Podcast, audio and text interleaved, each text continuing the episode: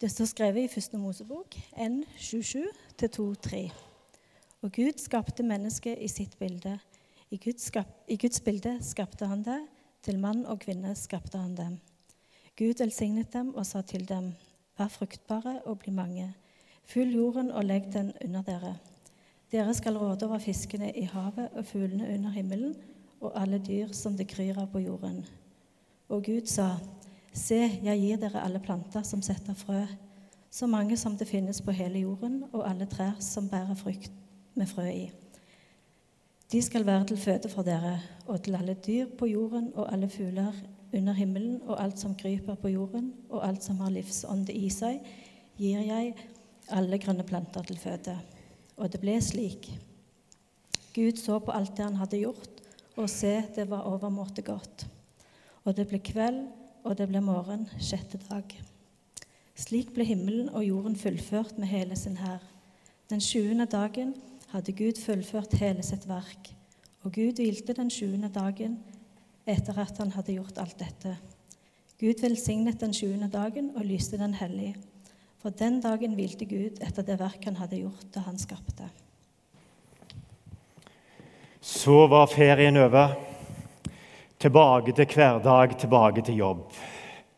Alt ifra husarbeid og matlaging og alt det der skolestart og sekken skal fylles, nye klær som skal på plass, alt som skal ordnes. Og så er det tidlig oppe på jobb. Det kan jo ikke være sånn Gud har tenkt vi skulle leve. Det kan jo ikke være det. Kan det det? Og Opp gjennom historien så har òg mange tenkt at arbeid det er et nødvendig onde. Det er sånn det er. Sorry, folkens. Vi lever her i denne verden, og arbeid det er et nødvendig onde. Og så er Det litt sånn at det, går an å finne støtte for det i Bibelen òg. For jeg fant et herlig vers. Bare se på dette. Med strev skal du nære deg alle dine levedager. Med svette skal du spise ditt brød inntil du vender tilbake til jorden, for av den er du tatt. Støv er du, og til støv skal du vende tilbake. Så jeg mener, Selv Bibelen støtter dette her en måte med at arbeid er et nødvendig onde. Og Sånn har en stått i fare for å legge så mye vekt på syndefallet og tenke at alt blir ødelagt. Men sånn er det ikke. Og Derfor er temaet for nå, denne starten det er endelig mandag. Visjonen, troen og jobben vår. Endelig hverdag, endelig mandag. Nå er det jobb og dagligliv og hverdag, og endelig skal vi få lov til å gjøre noe av det vi er skapt til å være. Og det er faktisk litt spesielt, tro det eller ikke. Det at Bibelen velger å begynne en skapelsesfortelling som ei arbeidsuke. Mandag, tirsdag, onsdag og Det står første, andre, tredje dag. de gjør jo det. Men alle tenker jo mandag, tirsdag, onsdag, torsdag, fredag, lørdag. Og så kommer søndagen, og så er det hviledag. Så hele designet på et vis i Guds plan begynner med å tegne opp ei arbeidsuke. Og så kan det jo se ut som den første skapelsesfortellingen ender med at å, da har Gud jobba i seks dager, og så tar han fri. Og da kan han pensjonere seg for resten av livet. Men det er jo ikke sånn det er. For det begynner en ny skapelsesfortelling. Der det ikke bare handler om det som ble til, men da er det foredling av det som var. Da er det plante, skape ting. Og så tenker jeg litt at Midt i alle de ordene så er det litt sånn vanskelig å få tak i hensikten.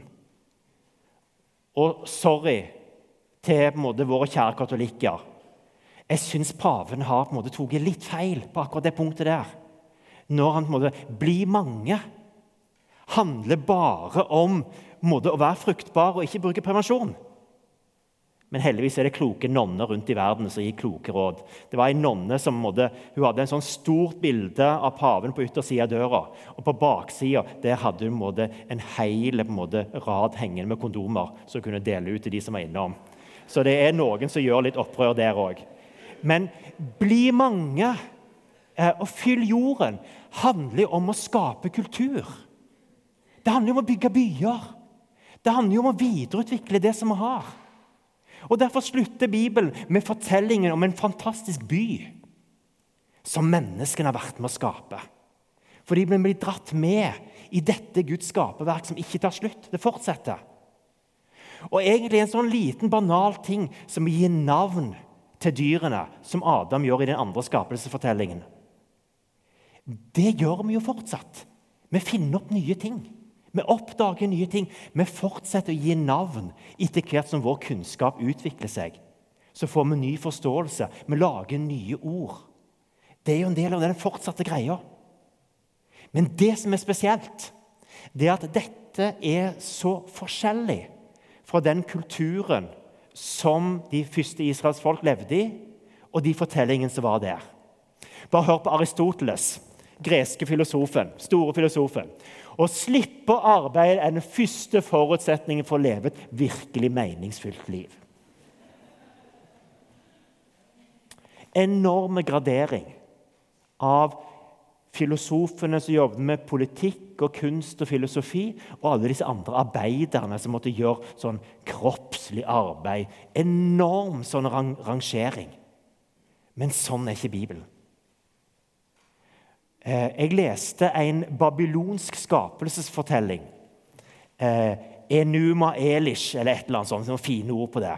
Men der er på skaperguden Marduk. Og bare tenk på at denne blir til samtidig som vår skapelsesfortelling.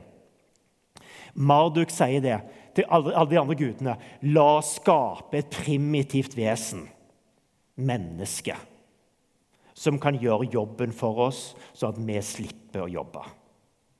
Det er på en måte hele visjonen.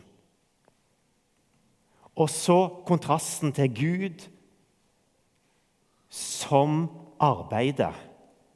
Og det som er på en måte helt uhørt, egentlig, det er at det, det ordet for å skape som brukes i første Mosebok, det er et alminnelig hebraisk ord for arbeidet. Det er ikke noe sånn høyverdig. Gud arbeider for å få dette fram. Og så sier han at han skaper oss i sitt bilde. Eh, og det ligger på et vis. Vi fortsetter på en måte å arbeide. Vi får oppdraget med å skape kultur og arbeide med det som Gud har skapt. Så vi er både dratt inn i arbeidet og det med å gi mening til noe av hvem vi er, og hva vi skal gjøre. I den greske mytologien og skapelsesfortellingen Vi hørte jo Aristoteles her, men de har også en skapelsesfortelling. og Der er det Pandora, den første kvinnen på jorden. Hun får ei eske, Pandoras eske, og får beskjed du må ikke åpne denne eska. Og Jeg vet ikke hvorfor mennene i den tida hadde veldig behov for å skylde på damene. For det gjør de jo i Det gamle testamentet, og det gjør på en måte jammen grekerne òg. Fordi at det er jo Pandora, den første kvinnen på jorden, som åpner denne eska.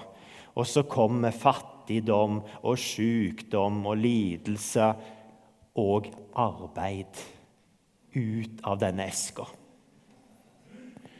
Sant vel? Litt sånn som vi så på en måte, Med strev skal du jobbe. Sant? Det kommer arbeid ut av denne eska akkurat måte, som det var en, en forbannelse. Men sånn var det ikke tenkt. Gud hadde en plan med at vi skulle være med og arbeide, være med å skape.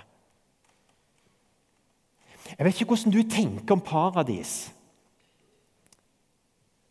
Eh, at det er, liksom, ja, det er på en annen planet, og så ble vi hevet ut av den planeten og så ble vi plassert på jorda. Had, måtte, Gud forandrer jo ikke sitt skaperverk mot i syndefallet. Det er jo den verden vi har. Det er jo dette som egentlig er paradis. Noe av rammevilkårene endres. Det skal vi se litt mer på om to uker. Eh, men det er jo her som er det som Gud tenkte når han skapte oss. At vi skulle leve i denne verden og skape og bety noe.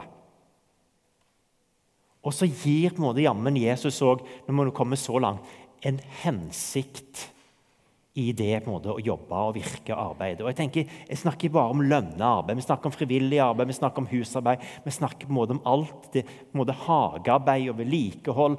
Alt det der på en måte, som er det å jobbe og arbeide. Så løftes opp en hensikt i det dobbelte kjærlighetsbudet. Å elske Gud og gi Gud ære ved å gjøre en god jobb. og å bety noe for andre. Å tjene andre. I Salme 145 så står det det, og vi har det en av de 17. mai-sangene Hvis Gud ikke bygger, sant? hvordan skal det gå? Hvis Gud ikke passer på oss, hvem skal da passe på oss? Og så spør måte, mange av kirkehistoriene ja, hvordan er det Gud passer på oss. Hvordan er det Gud sørger for oss? Hvordan er det Gud gir oss mat? Jo, det er jo gjennom vanlig arbeid. Det er gjennom bonden. Det er gjennom ingeniøren. Det er gjennom kontorarbeideren. Det er gjennom politi og rettsvesen at Gud sørger for oss. Og Der ligger det nettopp i det der med å ha skapt i Guds bilde. For samtida brukte dette med å være i kongens bilde eller Guds bilde, det handla om hvem som hadde rett til å representere kongen. Og det Gud sier, det er at vi representerer Gud overfor hverandre med den jobben vi gjør for å skape ting i møte med hverandre. Hva får konsekvenser for dette? her? Vi skal ta på en måte noen bare sånne kjappe punkter som jeg har lyst til vi skal ha med. Og kanskje noe å reflektere i dette. For det første, bort med all klassesnobberi. Alle jobber blir verdsatt i Guds rike. Og alle jobber er like verdige. Det er ikke noe forskjell mellom høyverdig og lavverdig arbeid. Det er ikke noe viktigere å være prest og jobbe i kirka enn å være sykepleier eller vaskehjelp eller butikkmedarbeider. Alle arbeidene blir satt inn i Guds store plan for at vi skal bety noe for hverandre. Verden hadde ikke gått rundt. Hadde ikke, Ålgård hadde ikke vært en bra plass å være hvis ikke alle disse hadde måtte, fungert sammen. Og Bare tenk på alle som tjener oss med sitt arbeid. Og som betyr noe på en måte for at vi har så gode rammevilkår. Det er fordi alle gjør en god jobb. Så betyr det noe for oss òg. Så la oss måtte, status og snobberi vekk med det. Likestilling av frivillig og lønnet arbeid og arbeid hjemme. Dette handler måte, ikke om hvem som er i jobb og ikke har jobb. Men det handler om å prøve å finne der jeg er. Kan jeg få lov til å være noe med det som Gud har gitt meg? Drevet av status, makt, penger og forventninger så har folk valgt feil yrke, og de har stått i fare med å utnytte andre til sin egen fordel. Men tenk om vi kunne få en djupere drivkraft i forhold til det at vi er skapt til dette, og at dette er en del av oppdraget vårt. Bare gå videre.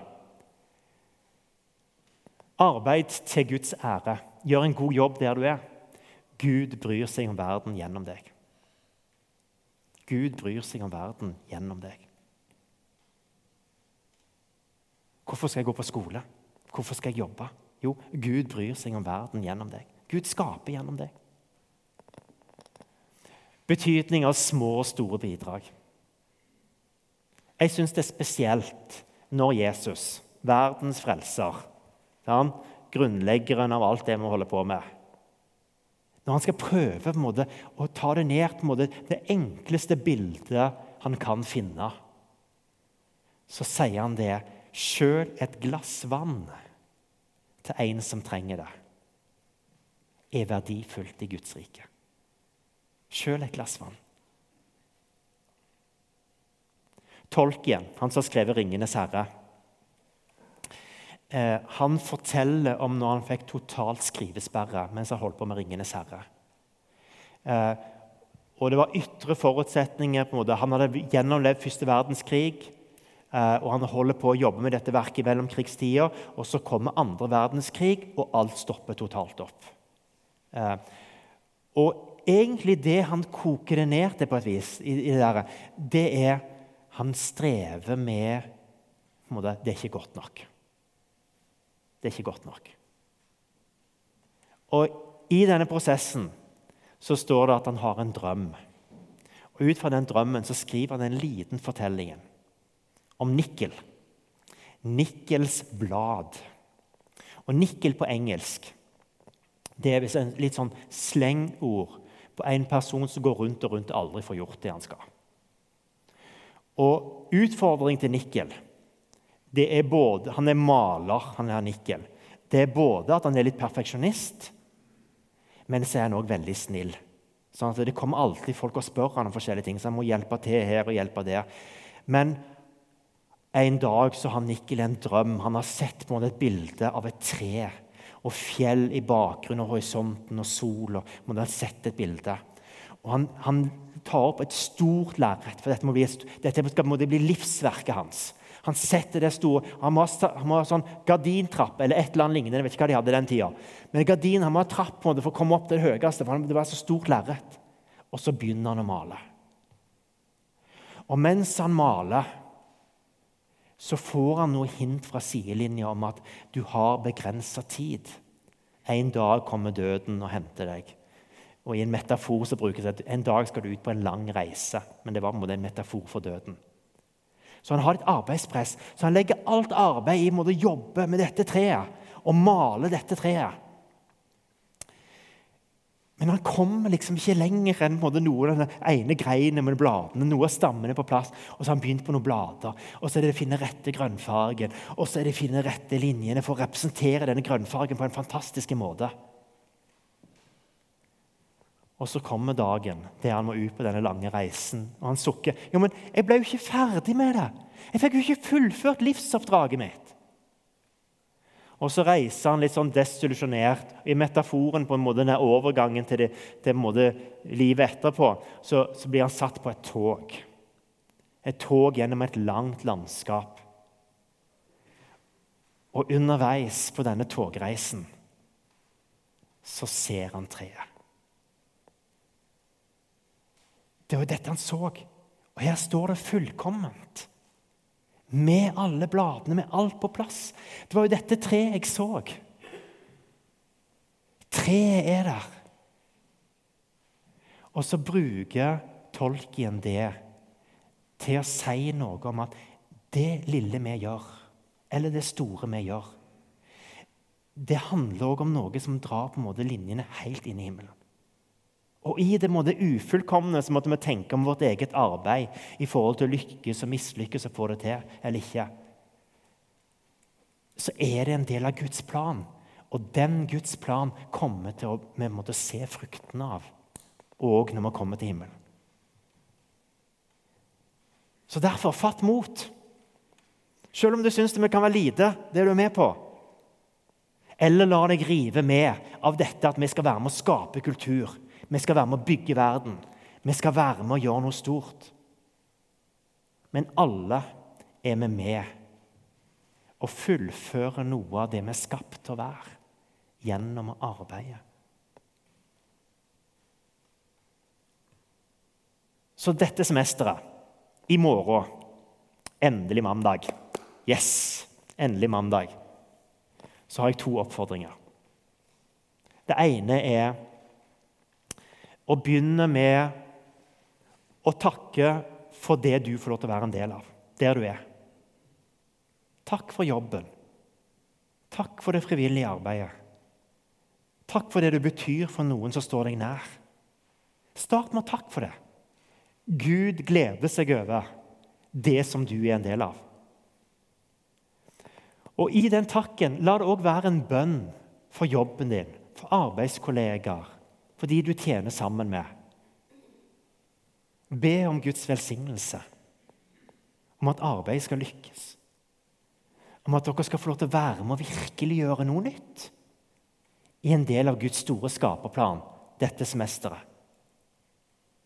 Velsign jobben. La det få være en stor del av bønnelivet ditt. En del unge kristne har stilt de spørsmål hvorfor snakker dere ikke om hensikten med å studere og hensikten med jobb. Dere snakker bare om kristne aktiviteter og det som skjer i kirka. Er ikke Guds plan noe mer? Så er det en del unge voksne som går inn måte i, i karrieregreiene og sånn, med en sånn opplevelse av at, at ja, det var ikke det Gud hadde tenkt at jeg skulle gjøre, eller meningen med livet. Men det er jo nettopp det det er. Vi må være med og gi den fortellingen at arbeid betyr noe. Så be for jobben din. La det få være en stor del av bønnelivet ditt. At du velsigner det arbeidet som du er en del av. Og så har jeg lyst til å oppfordre deg på slutten av dagen å tenke litt tilbake på å takke for alle som har tjent deg på en eller annen måte. Bare tenk litt rundt. Tenk alle som kjører langtransport. Alle som måtte få varene ut i butikkene. Altså, du kan ta en måte, få del for del av det måte, som er en del av livet ditt. Tenk hvor mye det betyr at andre er med og jobber for deg og jobber for vårt lokalsamfunn. Og Så tar du en runde på ulike. Takk til lærerne. Starte, ta imot elevene i morgen. Ungene våre. Og takk for at Gud har gitt dem det oppdraget. Og at de får lov til å være en del av Guds store skaperplan. Vi skal synge en sang for oss av Trygve Skaug. Og Jeg har lyst til at dere skal tenke litt på noen av de setningene som er der. Og med tanke på jobben vår, arbeidet vårt, lønna frivillig, hele pakken. Tenk litt på arbeidet ditt. På Gud. La meg skjønne litt av hvorfor jeg er her. Og hjelp meg til å se hvordan jeg kan gjøre en god jobb. Hvor jeg skal gå, hva jeg skal gjøre. Hvordan jeg kan se på livet mitt som en del av din store skaperplan. Vær så god.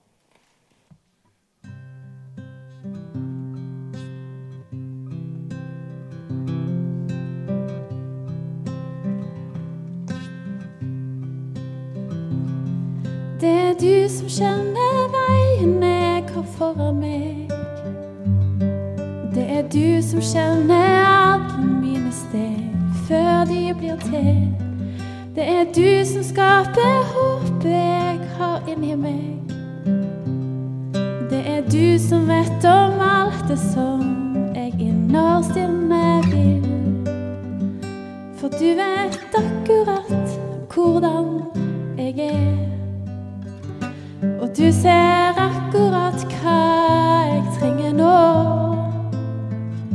Og du vet akkurat hvorfor jeg er her.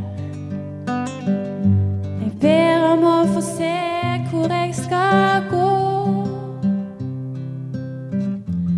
Hjelp meg å se hvor jeg skal gå.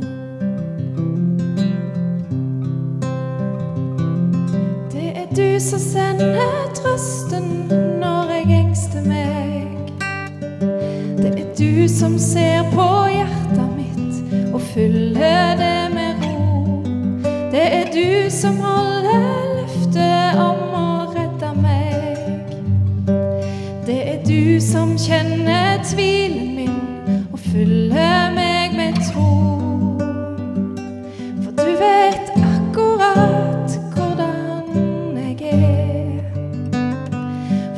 ser akkurat hva